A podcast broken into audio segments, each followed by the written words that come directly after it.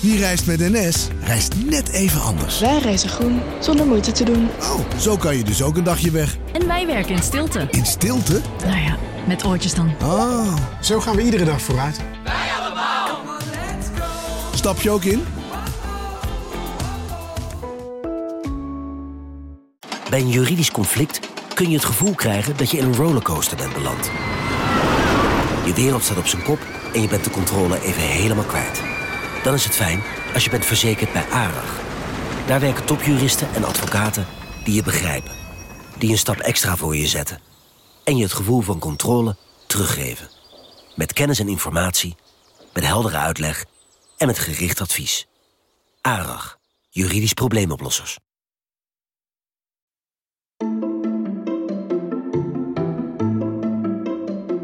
Welkom. Wij zijn Onbehaarde Apen. Dit is een podcast van NRC over wetenschap.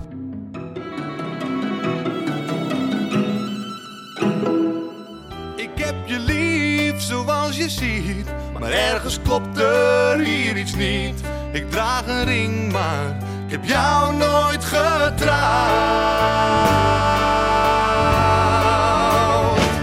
Ik ben mezelf niet op al die jaren nooit geweest.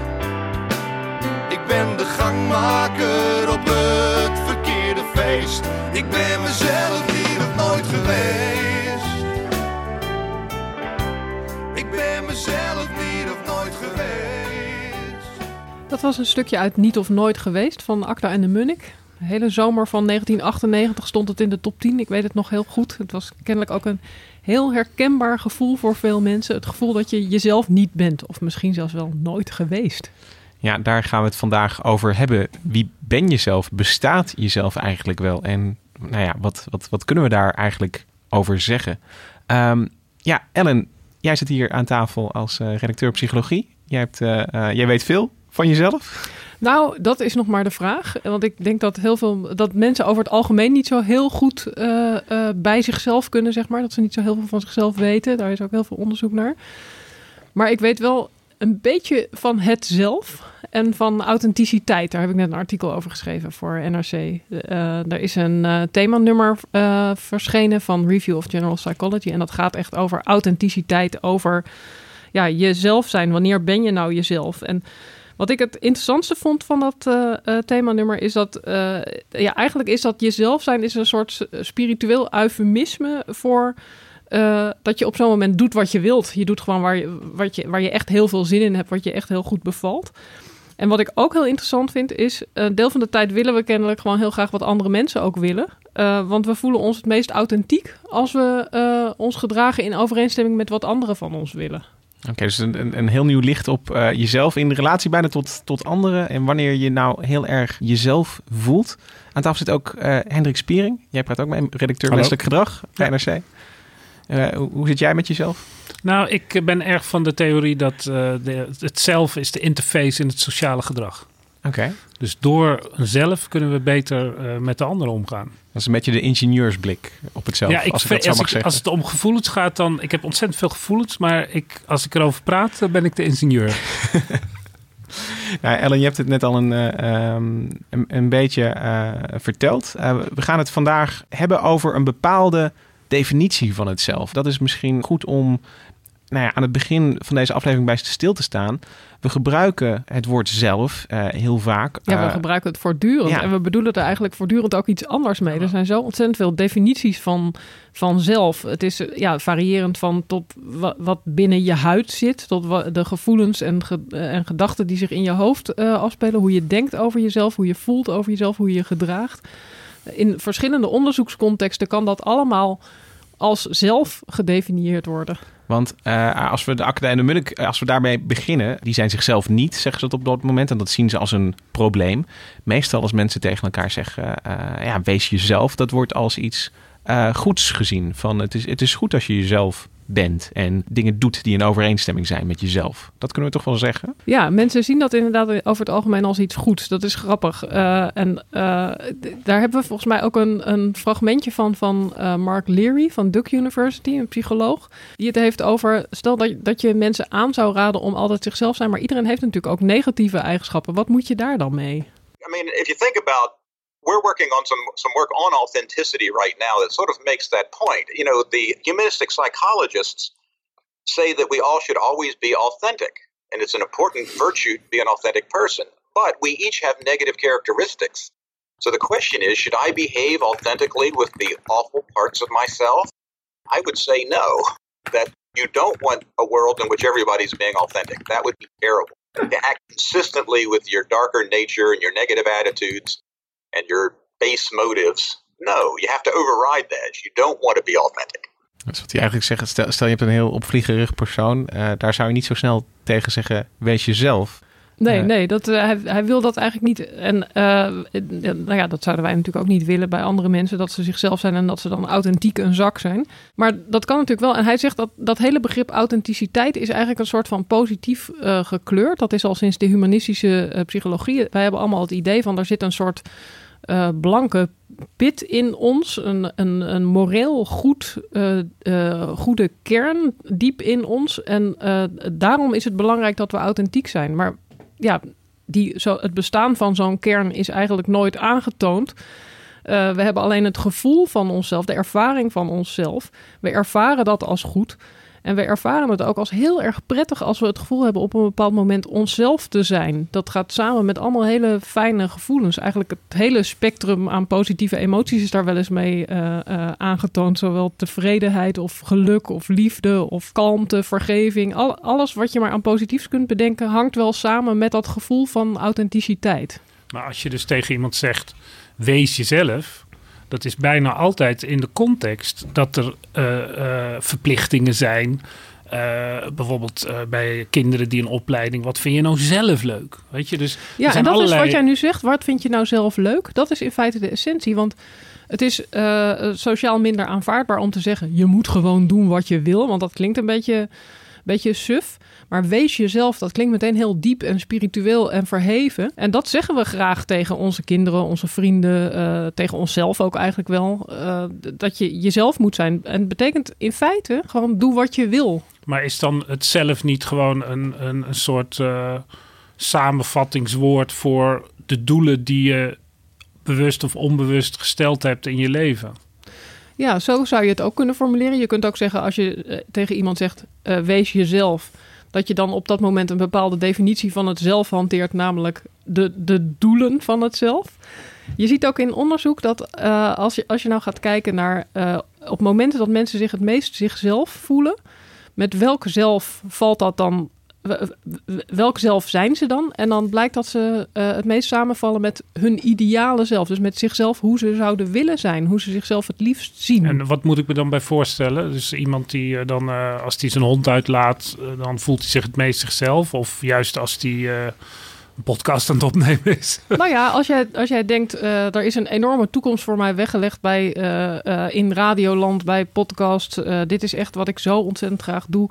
Het allerliefst zit ik met een koptelefoon op een beetje te babbelen in een microfoon met leuke mensen om me heen. Ja, dan kan het inderdaad dat jij je nu op dit moment het allermeest jezelf voelt. En in dat, dat is onderzocht, in dat onderzoek, wat voor voorbeelden hebben ze dan van mensen die dan authentiek zichzelf voelen? Ja, van alles. Ik heb dat natuurlijk niet bij de hand, maar dat kan in allerlei soorten eh, contexten. Als je, als je heel erg van sporten houdt, dan heb je het als je sport. Als je heel erg van koken houdt, heb je het als je kookt. Als, je, als er iets is waar je beter in wil worden en eh, eh, wat je heel graag doet. Ja, want jouw stuk heeft in. mijn leven een beetje omver gegooid. Want ik probeer nu de hele tijd te denken, ben ik, voel ik me nu authentiek mezelf? Of is dit nog niet authentiek genoeg? En voelt dat fijn om, je, om dat te denken? Maar ik vind het vooral eigenlijk verwarrend. Alsof er Dan een is het hele... nog niet authentiek Nee. genoeg. Misschien moeten we nog even één, één stapje terugzetten. Want jij zei, hij zei aan het begin wel iets belangrijks, Ellen. Is, is dat, eh, hè, dat, dat eh, die jezelf als een, een, een beetje, het wees jezelf als, als een beetje blanke pit, als, als, als ware kern. Dat, die, dat het bestaan daarvan nooit is, eh, is aangetoond. Van, van de, er zit niet zoiets. Nee, je kunt dat in feite In niet objectief vaststellen. Je kunt dat, het is ook niet meetbaar. Dus als je, als je er onderzoek naar wil doen, dan moet je dus ook eh, vragen aan mensen: voel je je nu jezelf? En ik kan me voorstellen dat dat een beetje onwetenschappelijk overkomt. Want luisteraars weten misschien, introspectie is niet een betrouwbare methode om onderzoek te doen. Maar als het nou gaat om uh, ervaringen van of je jezelf wel of niet bent, dat is niet van buitenaf meetbaar. Het enige wat je daar, daaraan kunt onderzoeken is het aan mensen te vragen. Van ben je, voel je je nu heel erg jezelf? Voelde je je afgelopen week heel erg jezelf? Onder welke omstandigheden? Dus het is iets wat, wat uh, nou, nou, ja, die, die, die blanke pit, als ik hem zo mag blijven noemen, daarvan kunnen we het bestaan wetenschappelijk niet aantonen. Dat klinkt een beetje alsof het een onbeschreven blad is. Nou, dat is het de, natuurlijk helemaal niet. Ja, de diepe kern van het zelf. Misschien Ja, moeten we het zo... beter. Ja, het- ja. Mensen hebben een soort eh, eh, idee. Eh, mensen zijn een soort essentialisten, een soort leken-essentialisten. We zien allemaal heel graag in, eh, in iets dat er een soort onveranderlijke kern in zit. En dat dat is hoe datgene of die persoon altijd is. En het punt is dat eh, mensen vertonen zoveel variatie in hun gedrag. Er, er is eigenlijk niet zo'n vaste kern aan te wijzen van hoe iemand is. Eh, introverte mensen gedragen zich ook heel vaak extravert bijvoorbeeld. En het interessante is dat ze dan zelfs zich authentieker voelen dan wanneer ze introvert Ja, omdat ze eh, misschien zijn. liever extravert willen zijn. En, en de omgeving denkt, hè, ze zegt ook eens wat. Nou ja, ik is- weet niet waarom je nu naar mij zit te kijken. nou, jij praat genoeg, eh, Ellen. Maar, maar, maar we hebben natuurlijk... Kijk, als we het, als we het eh, met elkaar hebben over een andere persoon bijvoorbeeld... En, en die beschrijven we, dan zeg ik bijvoorbeeld... Nou ja, Ellen eh, is heel grappig en heel gevoelig, weet je. Dan, dan noem ik bepaalde kenmerken op. Eh, dan ben ik dus niet jou zelf aan het beschrijven Diepste eigenlijk. zelf. Dan ben Ja. ik eigenlijk een, een, ben ik gedrag van jou aan het beschrijven. Moet ik het zo... Ja, in feite zien. wel. Ja, ik had het hier thuis over met mijn man en die kwam toen met een grappige metafoor. Die zei: wat mensen denken is dat het zelf een soort van de pit is in de avocado. Maar dat is niet zo. Eigenlijk is het zelf veel meer een soort een wolk spreeuwen die alle kanten op gaat, maar die wel een beetje bij elkaar blijft. En dat, dat vond ik wel een heel mooi beeld. Ik weet niet eh, Ja. tot op welke hoogte het houdbaar is, maar dat is wel. Ja, je, je Ja. vertoont zoveel soorten gedrag. Je blijft altijd een beetje in de buurt. Je hebt, er zit wel een zekere consistentie in. Maar 100% consistent ben je natuurlijk Ja, nooit. maar je hebt, je hebt, je hebt bij een ander is de zelf, het, het, die, die, die diepe pit is een soort hypothese. Maar hè, dus dat gedrag, maar het grappige van jezelf, van je eigen zelf, van het organisme eh, wat je zelf bent en de, de, het, het hele eh, bewustzijn daarvan, daar heb je gewoon een soort, daar voel je je jezelf, je eigen subjectiviteit. Dat je Ja. dus één plek in de wereld inneemt en bepaalde doelen hebt die een ander niet heeft. En eh, ide- eh, idealen die je soms deelt met een ander, soms niet. Dus het, het wordt heel erg... Er is maar één iemand die op dat adres woont, bij wijze van Ja, ja, spreken. ja. Dus ja, dat, je wordt gedwongen om dat zelfperspectief te hebben. Want anders, anders kan je helemaal niet functioneren. En dus het is zo vanzelfsprekend, al is het maar een werkhypothese. Ja, maar het, het interessante is dus dat het voor de wetenschap, of in ieder geval de psychologie, dus een, een, eh, een, vrij onbruikbare werkhypothese is. Want je kunt er... Nou, dat, dat, daar wil ik toch even Ja, ja? tegenin gaan. Want dan, zou, dan neem je aan dat de ervaring die mensen hebben niet echt is. Een ervaring is Mhm. natuurlijk ook echt. Het is alleen niet van buitenaf te onderzoeken. Je kunt het niet in plakjes snijden en onder de microscoop leggen. Wat best heel jammer is. Maar eh, ervaringen zijn, bestaan ook. Zeg maar, Eh, dat, dat zijn ook. Ja, dat is eigenlijk.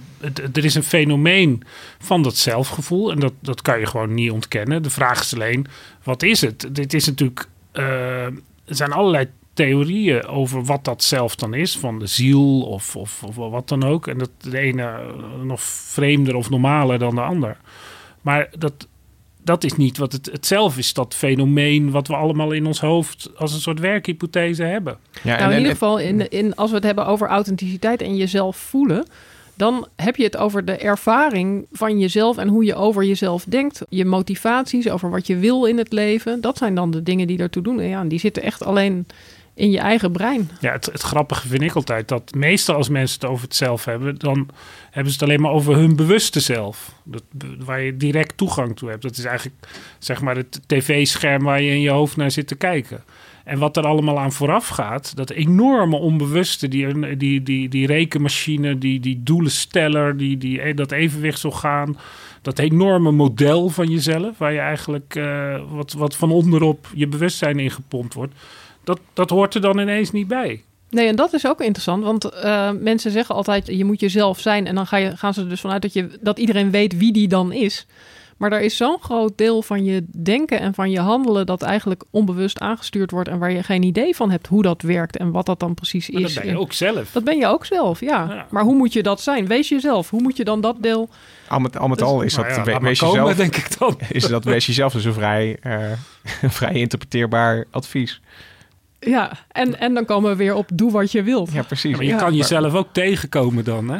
Als je jezelf wil zijn. Ja, maar volgens mij als je jezelf Zo tegenkomt... mooi Als, uitdrukking. kijk, als je je- jezelf bent, dan eh, val je een beetje samen met je ideale zelf. En volgens mij als je jezelf tegenkomt, dan kom je dus dingen tegen van jezelf die je eigenlijk liever niet in jezelf zou willen hebben. Maar die, Ja. die wel in jezelf zitten. Ja, die helaas misschien wel Ja, dan in krijg je zoiets zitten. van, ja, ik ging toch maar naar die verjaardag. eh, Ik wilde toch gezellig doen, maar ja, dan kom je jezelf wel tegen. Want meestal misdraag je je dan als je jezelf Ja, tegenkomt. ja, Dan of- ben je toch heel nors geweest. Of Ja. dan, en heb je toch Nou, ik denk dan aan, eh, ik ga toch maar naar Peru.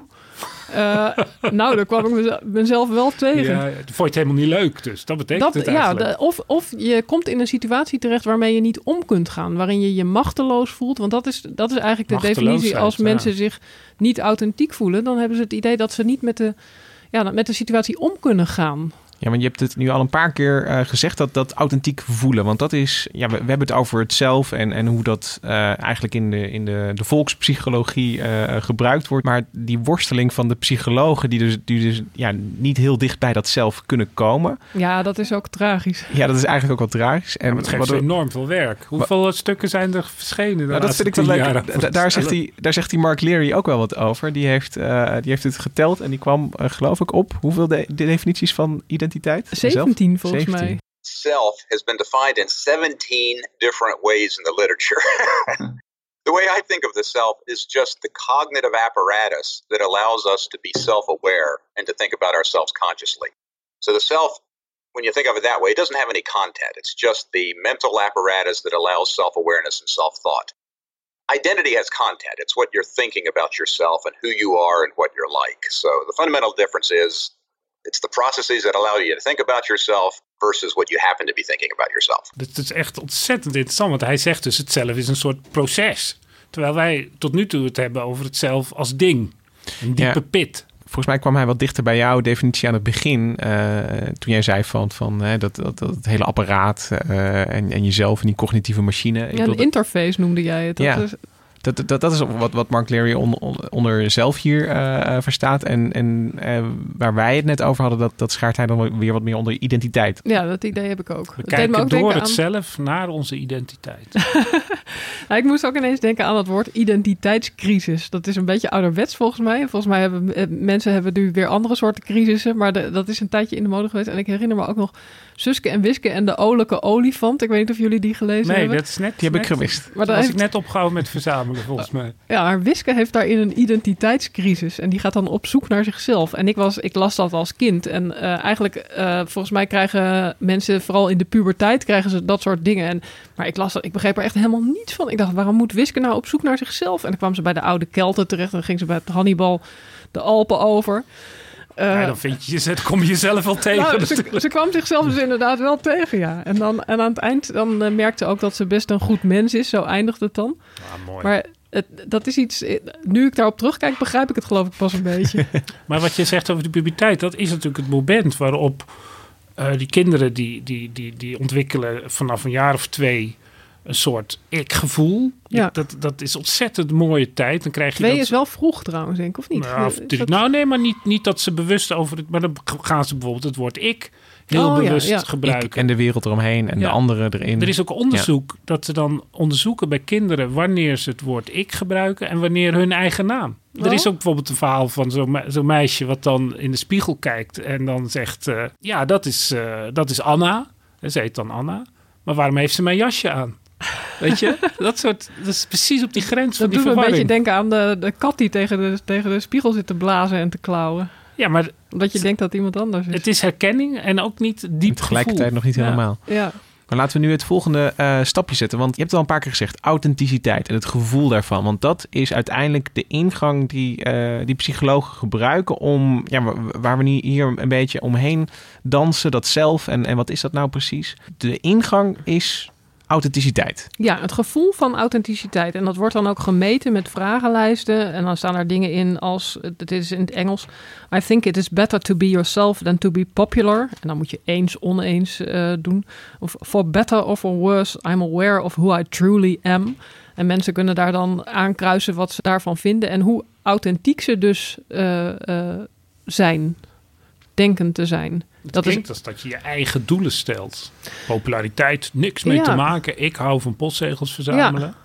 Daarom is ook het grappige waar we het straks nog over gaan hebben... dat je je dus het meest jezelf voelt uh, de, vaak als je uh, handelt in overeenstemming met wat mensen van je willen. Dat, is wel, uh, dat gaat gewoon direct in tegen het idee dat ik daar altijd over had... wat authenticiteit moest zijn. Het is win-win natuurlijk. Ja, het is win-win, ja. ja. Maar, maar het, inderdaad, doelen stellen... het is als je zegt wees jezelf betekent doe wat je wilt... dan is het inderdaad doelen stellen, ja. Dan is, dan is ook het hele probleem van hoe, hoe kan ik nou mezelf zijn uh, breng je dan terug tot wat wil ik eigenlijk? Wat wil ik eigenlijk in het leven? En dat is in de puberteit natuurlijk een groot probleem. Want dan moet je kiezen wat voor opleiding of ja. wat voor soort muziek je eigen of, of, of, sociaal groepje je bij wil horen. Dat, is allemaal vrij, uh, en vrij ik, moeilijk. Ik denk ook dat het in de, in de huidige tijd waarin we, waar, uh, in ieder geval hier in het, in het Rijke Westen, hebben we heel veel uh, vrijheid en heel veel keuzes. En ik denk dat dat dus eigenlijk nog wel de rest van je leven een beetje doorgaat ook. Vroeger was het misschien alleen de puberteit. En nu heb je ook nog de quarterlife crisis en de midlife crisis... waarin je ook weer moet ja, gaan kijken wat je wilt.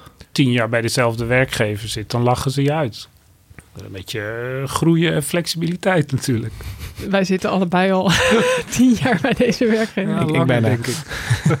maar de, de, dat authenticiteit, je bent een psycholoog en, en je wil dat onderzoeken van, van is, is de ene persoon authentieker dan de andere? Uh, ja, dat is ook wel geprobeerd. Mensen hebben dus ook bijvoorbeeld wel gekeken naar uh, hoe consistent gedraagt iemand zich eigenlijk. Maar dan is weer de vraag, is dat wel hetzelfde? Dat is ja, waarschijnlijk is dat niet hetzelfde als dat gevoel van authenticiteit dat je ervaart. Want als je het een gevoel noemt, is dat iets wat ik. Hoe, hoe, hoe kan ik dat gevoel herkennen? Ja, ik denk ook niet dat ik jou dat kan vertellen. Het is ook, ik moet ineens uh, denken aan een uh, collega met wie ik vroeger wel eens uh, lunchte. En dan had zij een heel lekker broodje en dan had ze dat op. En dan zei ze, nu val ik helemaal met mezelf samen. En dat moment, dat herken jij alleen, weet je? Dat, dat, dat, je denkt, ja, het is echt, nu val ik helemaal met mezelf ja. Maar het is en, opperste tevredenheid. Opperste eigenlijk. tevredenheid, en, ja. En is het iets dat... Heb ik dit elk uur wel een keertje? Of, of? Ik hoop het. Maar uh, als je kijkt naar onderzoek, dan, dan zie je... De, waarin ze dat mensen gevraagd hebben... dan zie je gemiddeld dat mensen dat minimaal één keer per week uh, wel hebben. Ja. Maar is dat dan um, achteraf gevraagd? Ja, het punt is, je moet dat natuurlijk altijd achteraf vragen. Ik weet niet meer precies hoe dit, of dit een dagboekonderzoekje was, waarbij je dan op je dag moet terugkijken. Dat zou best kunnen. Want je hebt ook dat prachtige systeem wat, met wat je ook met Flow uh, onderzocht. Is ja. dat je dus op willekeurige momenten op de dag Vroeger ging dat met, met, met uh, piepertjes inderdaad. Nu gaat het denk ik via je telefoon. En dan moet je onmiddellijk invullen. Voel je je gelukkig? En dan waarschijnlijk ja. voel je je authentiek. En dan wat doe je eigenlijk? En dan, dan ja, krijg je een heel goed beeld van... Dan krijg je langzaam een beetje grip op, op, op in, in, in wat voor context treedt dit gevoel nu op bijvoorbeeld. Ja. Want is, is daar wel iets over te zeggen? Is er iets over de omstandigheden waarin mensen zichzelf voelen? Zit daar een rode draad in? Of uh, een, een, ja, je, je noemde net dat voorbeeld van het broodje. Is het vaak tijdens het eten? Of is het... dat is een goeie, dat weet ik niet. Ik, het is, uh, volgens mij is het juist in heel uiteenlopende omstandigheden. Het is niet, ik heb niet paraat uh, of er specifieke situaties zijn waarin dat nou meer is dan in andere. Ik denk ook dat dat heel erg van mensen afhangt van wanneer voelen ze zich echt heel erg gelukkig. Het heeft wel ook iets moreels misschien, dat je denkt ik ben nu goed bezig. Maar heeft het ook iets wat ik herinner me dat uh, onderzoek van uh, Chick Send Me High, wat al in de jaren zeventig is uh, begonnen over flow. Ja. Dat is dus de, de opperste variant daarvan, van flow, is dat je dus zo intensief met iets bezig bent, of dat nou piano spelen is, of een stuk schrijven, of, of je, je kast repareren. Dat, dat je je hele geest heb je nodig om die uitdaging te overwinnen waar je mee bezig bent. En dat gaat dan ook. Dus je bent precies je kunt precies genoeg om die uitdaging te overwinnen. Maar het, moet, is wel moeilijk. Het is niet, zeg maar, heel makkelijk pianostuk spelen. Is, kom je niet in flow. En dan voelen mensen zich ook het gelukkigst. Dat blijkt ook uit dat, die heeft dat dus met van die piepers allemaal onderzocht. Ja. En wanneer zijn mensen nou gelukkig? Als ze ze eigenlijk, gek genoeg, zichzelf verloren hebben. Want als jij heel dat gebeurt in een flow. Ja, dat is ja. dat, dat, je, dat je even het gevoel hebt dat, dat alleen jij en de taak... Nou ja, geen eens jij. Ja, je bent, er is geen ik meer. Je, bent- versmelt met de taak bijna. Ja, en, en dat, kan, dat kan best een uur duren. Of Ja. ik geloof dat uit het onderzoek blijkt dat het meestal een half uur duurt of zo. Maar goed, dat, dat is voor iedereen ook weer verschillend. Je kan het ook vijf minuten hebben natuurlijk. Ja, dat is heel interessant. En dat is volgens mij een open vraag. Of, eh, of je dan, als je daarna, als je, daar, als je zeg maar wakker wordt uit die flow, of je je dan het meest authentiek voelt. Dus dat broodje is op en dan Ja, ineens voel je, je- jezelf. Om je jezelf te voelen, moet je natuurlijk wel je even bewust zijn Ja. van jezelf. En als je in een flow zit, ben je even niet bewust van jezelf. Ja, dat en is dat, en dat is ook, ook fijn. Ja, dat is inderdaad een paradox. Ik, en ik, ja. Hoe, Het lijkt hoe zou er wel je, op, op hoe die zou je het moeten onderzoeken? Het lijkt er heel erg op, ja, absoluut. Ja. Ook, ook de definitie van je, want je hebt een, een, een taak met een uitdaging en je kan het precies goed doen. Terwijl Ja. het wel knap is dat je dat kan. ja. Dus Het is, en het is waarschijnlijk ook iets, eh, als we het over die motivaties hebben, eh, wat je wil doen op zo'n moment. Ik bedoel, Ja, die je- flowtaken, ik, ik bedoel, ik, En niet waar je naar streeft dus ook. Authenticiteit lijkt alsof het iets statisch is. eh, zoals mensen erover praten van zo, zo ben je. Maar het, is, het gaat eigenlijk veel meer over iets waar je naar streeft om te zijn. zijn er ook situaties aan te wijzen waarin je heel duidelijk niet jezelf bent? Ja, ja, ja. ja dat is bijvoorbeeld, eh, nou ja, als je, als je je inderdaad machteloos voelt. Als je, eh, als je je letterlijk een speelbal voelt van de elementen. Als je bijvoorbeeld een baas hebt die, eh, die afkeurt wat je doet. Of die, eh, die zegt dat rapport had vorige week al af moeten zijn. eh, nu moet je overwerken. Eh, zorg maar dat het, eh, dat het morgen klaar is. En dat je, terwijl je eigenlijk eh, eh, eh, iets heel belangrijks had gepland in je privéleven. Dat zijn momenten waarop je denkt, ja, nu ben ik echt helemaal niet mezelf. Maar je kan dan toch juist heel erg jezelf voelen in je verzet of in je boosheid dan. Ja, maar blijkbaar zeggen mensen dan niet, ik Dat voel mezelf. Nou, ik voel me niet authentiek zelf. Ja. Dat is, de- het woord authentiek is dan misschien wel belangrijk. Ja, ja, misschien. Maar eh, heb jij, als je je boos voelt, dat je denkt, ik voel me nu helemaal mezelf? Ja, er is dan meestal geen plek voor Nee, om ja. dat te voelen. Ja, dat is natuurlijk zo'n overheersende emotie. Maar ik, ik, ik, moet, er- ik moest er een beetje aan denken van... Ik slaap altijd een beetje slecht de na- nacht voordat ik een, een podcast eh, moet opnemen. Dus, dus vannacht heb ik ook weer slecht geslapen. En dan ga ik op een gegeven moment ga ik, ga ik piekeren. En dan denk ik ineens aan een mailtje dat ik nog moet versturen. En, en dat zijn dan twee gevoelens. Oh, eh, dat was ik bijna vergeten. En eh, oeh, dan moet ik morgen wel echt eh, gaan doen. En ehm, ik, ik voel me dan niet zo mezelf, omdat het voelt alsof ik eh, iets vergeten ben en, ik- ik moet mezelf een opdracht geven. Ik ben heel erg met mezelf bezig dan. Het, Ja. het is ook zo'n zo, dat Op een nachtelijk. vervelende manier. Ja, op een- ook. op een maar het is, vervelende het is manier. bijna een eigen podcast waard. Dat verschijnsel. Dat Ja. je dus midden in de nacht, zeg maar...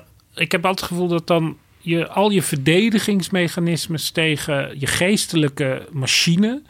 die werkt gewoon te slecht. Dus je ligt eigenlijk alleen maar met je blanke pit... lig je daar in dat bed... En alle onbeschermde blanke Ja. Ja, ja. Maar kan- Cornelis heeft in haar nieuwe show echt een geweldig eh, eh, stukje daarover. Die zegt, alles wat je na tien uur s'avonds denkt, moet je eigenlijk niet meer serieus nemen. Ja, dat, dat is En, het eigenlijk. eh, maar, maar ook als je dan s'nachts wakker wordt, en eh, ik noem dat nachtangsten. Ik heb ook nachtangsten. En dan, dat zijn volkomen irreële eh, angsten dat het huis in gaat storten of dat het. Maar eigenlijk kun je zeggen van. Eh, je, je zou kunnen zeggen dat is heel erg jezelf. Want het is, het is bijna ongefilterd. Het is, het is rauw.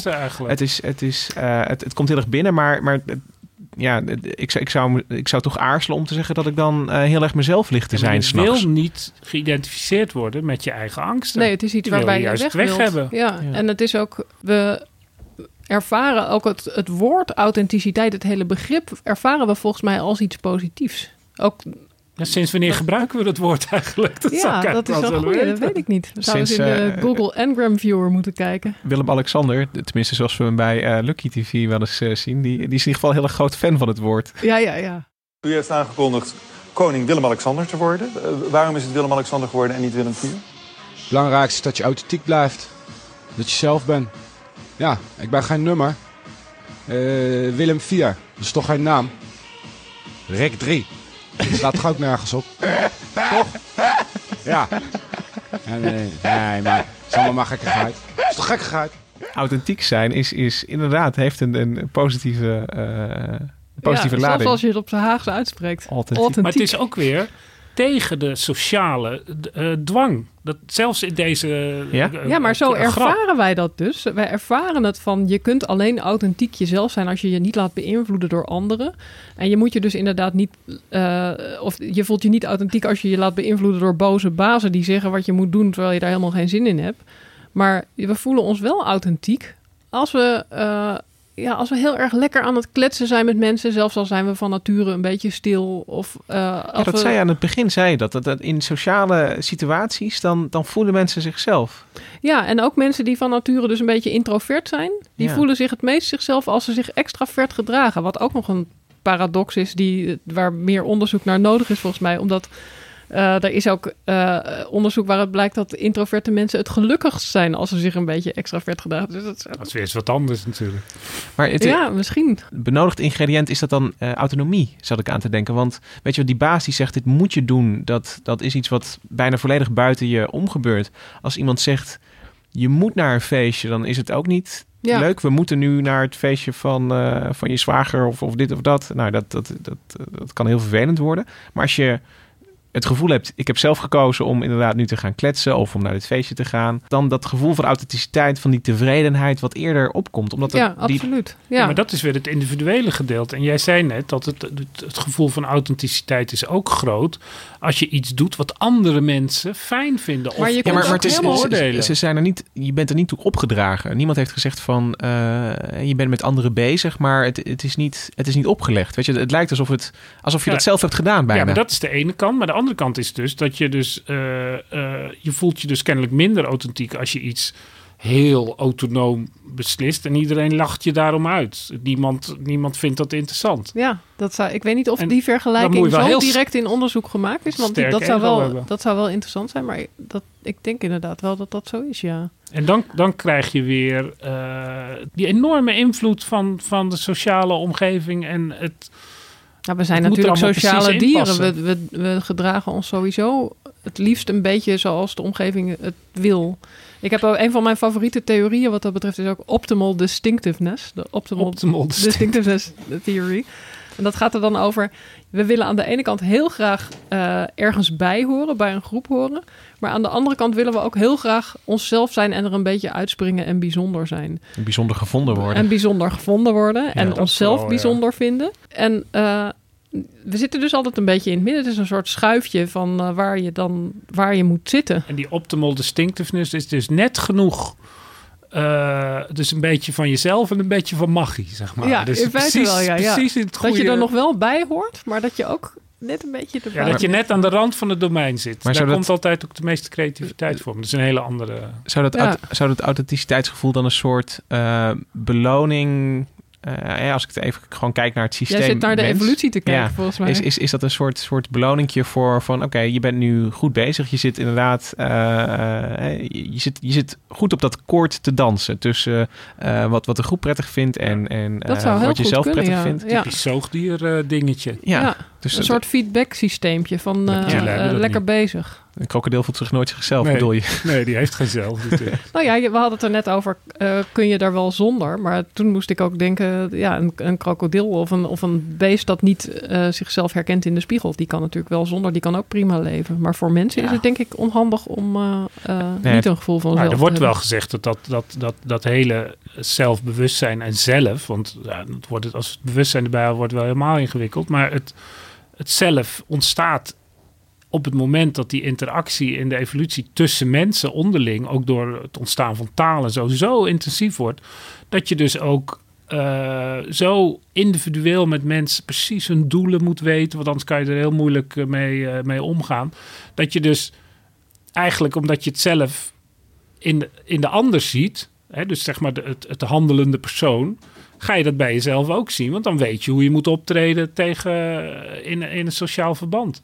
Dus het is eigenlijk het spiegelen van de sociale interactie in jezelf. Het naspelen in je hoofd. Ja, En, en zou het dan, eh, ik bedoel, want dan, dan zouden we ook andere dieren kunnen aanwijzen waarin het eh, ook een grote kans op eh, een, een zelf. En dan moeten we het niet. Ja, we moeten het even niet, loshalen van het zit- zelfbewustzijn natuurlijk. Ja, maar het ligt wel ook dicht bij elkaar. Ja, Ja, dat dat, is- denk ik ook zeker zoals jij het nu uitlegt. Omdat je dan inderdaad, je, je hebt een ervaring van jezelf nodig. En je hebt herkenning van Ja. dat zelf in anderen. Dus theory of mind, zoals dat heet, eh, heb je nodig. Ja, het, het raakt elkaar allemaal wel ergens Je aan. hebt En het een is. fantastisch woord. Dat is van de eh, Thomas Metzinger, een van de neurofilosofen van dit moment. Een, eh, een Duitser. Hij is ook heel leuk om hem in het Duits te horen. En die heeft het woord ego-tunnel. Ik- kan het helaas niet op zijn Duits uitspreken. Ego-tunnel. Dat is eigenlijk dat zelf, wat, waar we het nu de hele tijd over hebben. Die, die enorme zak met doelen en gevoelens en, en, en interactie. Dat, dat, dat is eigenlijk de tunnel waarmee we door naar de, de wereld kijken. We, we kijken dus niet met onszelf, maar door onszelf. Omdat we nu eenmaal deze plek als organisme in de werkelijkheid en de sociale werkelijkheid innemen. Dus je moet vanuit je subjectiviteit iets zien. Maar je kijkt dus door een soort tunnel en je vergeet dat je, dat je, je denkt dat je dat zelf bent. Ja, het begint nu een beetje ingewikkeld te worden. Nee, maar het is ook niet raar dat we hier een, een, een- onszelf een beetje in eh, verliezen. Want ik bedoel, daar, daar denken filosofen natuurlijk al eeuwen over na. Ja, en daar heeft eh, psycholoog eh, Constantijn Sedikides het ook over. Hij is eh, Grieks, maar hij werkt nu aan de Universiteit van Southampton. En hij vertelt hier over eh, de Griekse filosofen. For example, Socrates argued that you should know yourself, you should obtain accurate knowledge about who you are, self insight. You truly need to know yourself. But then there was another group of philosophers, uh, the Epicureans, who argued that actually uh, that's not important. What is important is the pursuit of pleasure. And, uh, you know, it's okay if you're a bit hedonistic, it's okay if you pursue positive information about yourself. So I started doing research on what on the motives or motivations we call self-enhancement for positivity, uh, self-verification for consistency, and self-assessment for accuracy. And in the process, and doing research across many cultures, I found out that actually it's self-enhancement that wins out. I mean, Socrates was wrong in more ways than one. Of course, people care about accuracy, uh, everything else being equal, and care about consistency, everything else being equal. But when you enter positivity and negativity, then it becomes a different story. People protect themselves against negative information, no matter how accurate it is, oftentimes. And people want positivity about themselves, even if it's a bit inaccurate, even if it's a bit flattering. En wat ik hier leuk aan vind, eh, onder andere, is dat hij, eh, hij neemt dus die uitspraken van die oude Griekse filosofen en hij gaat gewoon onderzoek doen. Van is, het, is dat waar Wie of heeft er gelijk? Ja, wie heeft er gelijk? Dat, dat vind ik echt te gek. Omdat eh, ja, mensen halen die Griekse filosofen nog steeds heel vaak aan en, dan, en zetten de uitspraken op tegeltjes en zo. Maar je kunt dus ook gewoon gaan onderzoeken van, klopt het nou eigenlijk wat deze knakker toen beweerde? Ja, en dan eh, komt hij erop uit van, hij, hij- wat hij dan zelf enhancement noemt, is, is dat we dus een soort bias hebben dat we, dat we liever eh, eh, positieve dingen over onszelf eh, in, in, in ons zelfbeeld opnemen. Ja. Eh, dat we dat eerder geneigd zijn dan, eh, dan negatieve dingen. Ja, ja, we willen eigenlijk onszelf, het beeld dat we van onszelf hebben, altijd verbeteren. Eh, maar er zijn mensen volgens mij heel flexibel in. Ik- ik- mensen zijn heel goed om in, in zichzelf leugentjes verkopen. Ja, maar ik, denk dat dan de sociale omgeving ook heel erg belangrijk is. Ja, tuurlijk. Dat, Ja, dat die moet als- het ook die niet moet het accepteren. Ja. Ja. Die moet dus accepteren dat jij een, een, een, eh, een, een bepaalde... Dat heeft iedereen een wolk van, van, van eh, zelfbedrog om je heen. hebt Maar ik, ik noem maar wat, stel je hebt een, een, een wietplantage thuis, hè, weet je, dat wordt maatschappelijk afgekeurd. En, en eh, eh, hè, van da- da- daar, eh, nou ja, dat, dat heeft allemaal gevolgen in de criminele keten, eh, zou ik maar zeggen. Maar mensen kun je nog steeds een heel goed warm mens vinden die altijd opkomt voor zijn eh, moeder en, en dit en dat. Ja, maar dat kan toch ook? Ja, dat kan zeker. Maar ik denk als iedereen die die persoon kent afkeurt dat hij een wietplantage heeft... Ja. Dan wordt het heel moeilijk voor hem. Ja. Ik denk dat hij dan die wietplantage ook, eh, eh, dat hij daar niet over zou praten. Ik denk dat hij hem dan Nee, precies. achter gesloten deuren Helemaal geheim. houden. Dus dan heb je een Maar een wat jij net zei, vind ik ook interessant. Al die, al die verschillende mensen die dan iets over hem denken. Eh, we hebben natuurlijk ook verschillende zelven in verschillende contexten. Dus eh, als ik met jou alleen ben, ben ik net iets anders dan als ik met jou alleen ben. Ik zit nu naar Verschillende twee mensen. verschillende mensen te wijzen. Eh, maar het, het, je, je, bent, je toont net iets andere, eh, ander gedrag Ja. van jezelf. Of je gedraagt je net iets anders. Misschien helemaal niet bewust. Maar eh, er worden net iets andere concepten, ideeën over jezelf geactiveerd in je hoofd.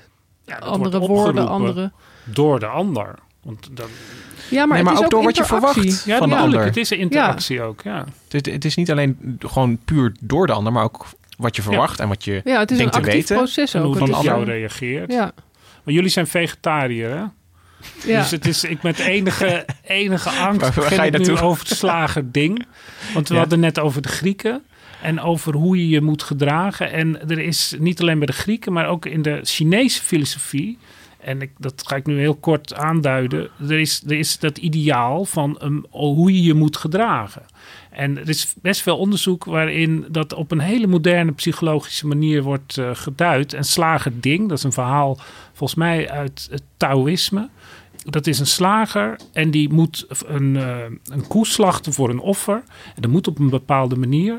En hij doet het perfect. Dat kennen we allemaal uit die kung fu films. Dat iemand precies op het juiste moment zijn, eh, zijn hand ergens voorhoudt. En dan een, een wapen afweert. En allemaal precies op het juiste moment. Ja, en een- helemaal met- perfect. Ja. En zo slacht hij dan in één grote dans dat, eh, die koe. En alles valt precies goed weg. En de vraag is in de Chinese filosofie: hoe kan dat? Hoe kan iemand zo perfect die taak uitvoeren en zichzelf zijn eigenlijk ook? Hij wordt eigenlijk het mes. Daar gaat het eigenlijk om. En er zijn dan twee ideeën. Het Confucianisme zegt oefenen, oefenen, oefenen. Dus dat is de externe druk.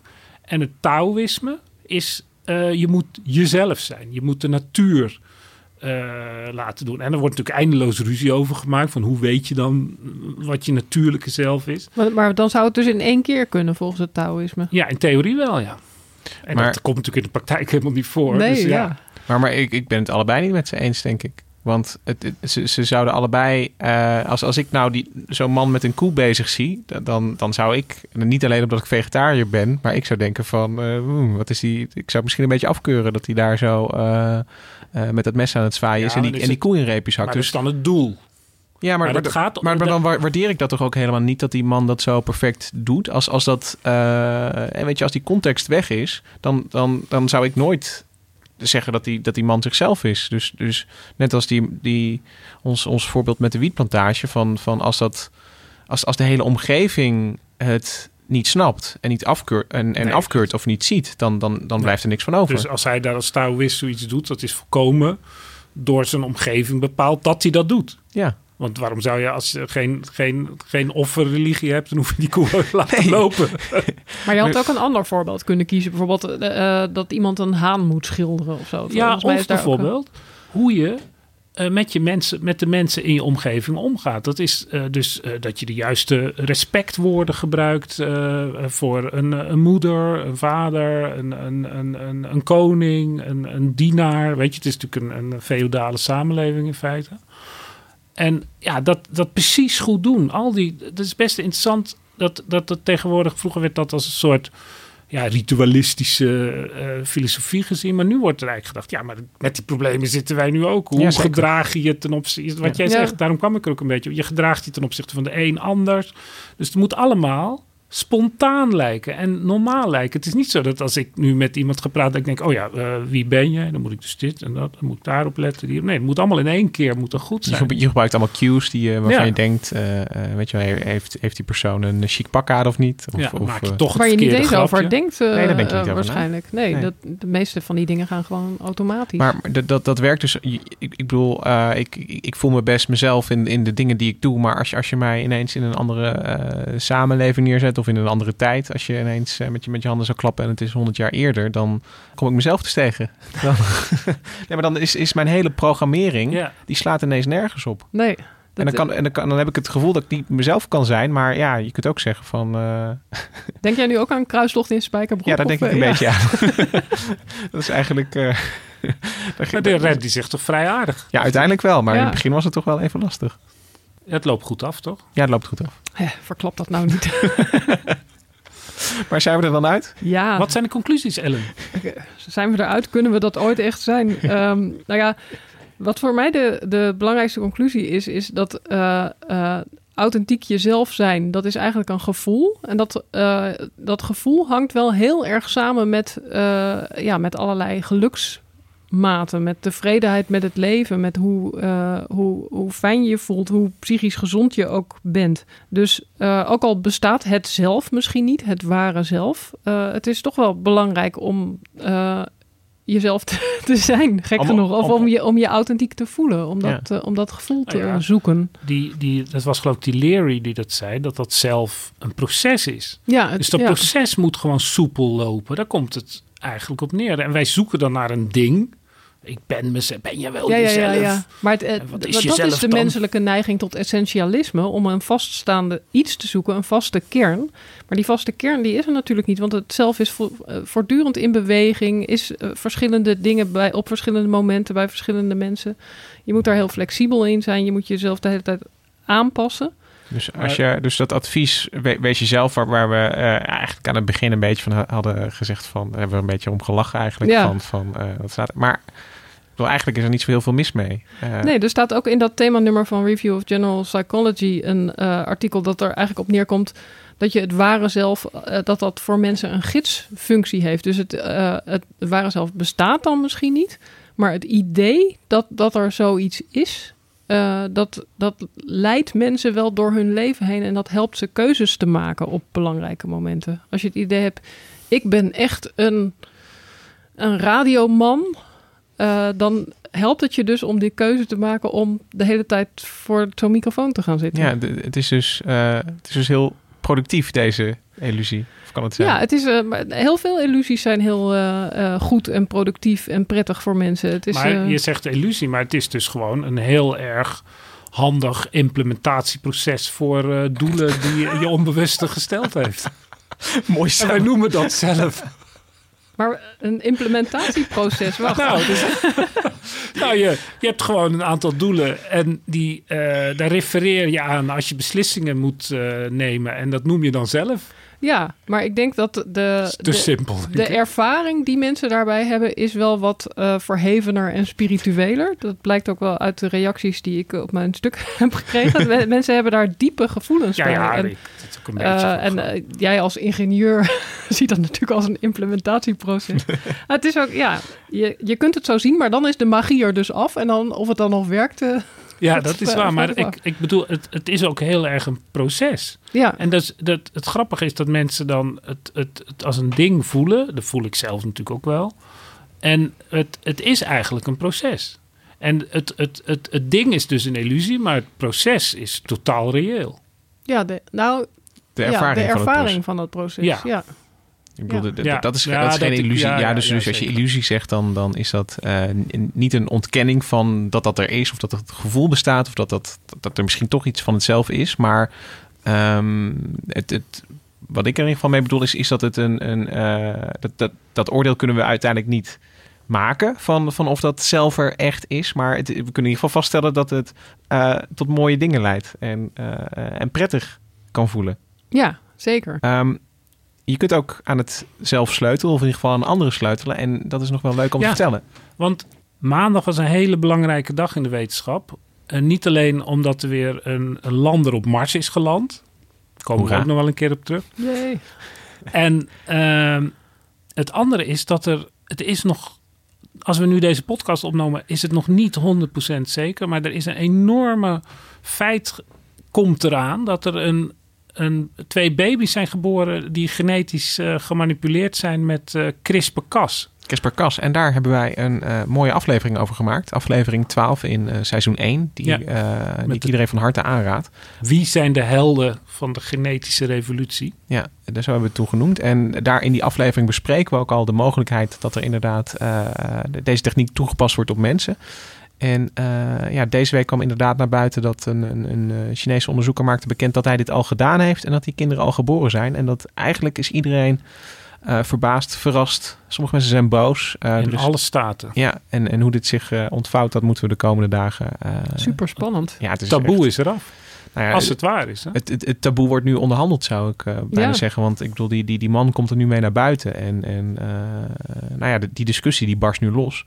Ehm, maar als je wil weten hoe die, eh, wat, wat CRISPR-Cas precies is en eh, hoe die techniek eh, volwassen is geworden, dan, dan kun je die aflevering terugluisteren. Dan wil ik nog één dingetje. We kregen een, zeggen, we kregen een leuke reactie van Arjan Bos.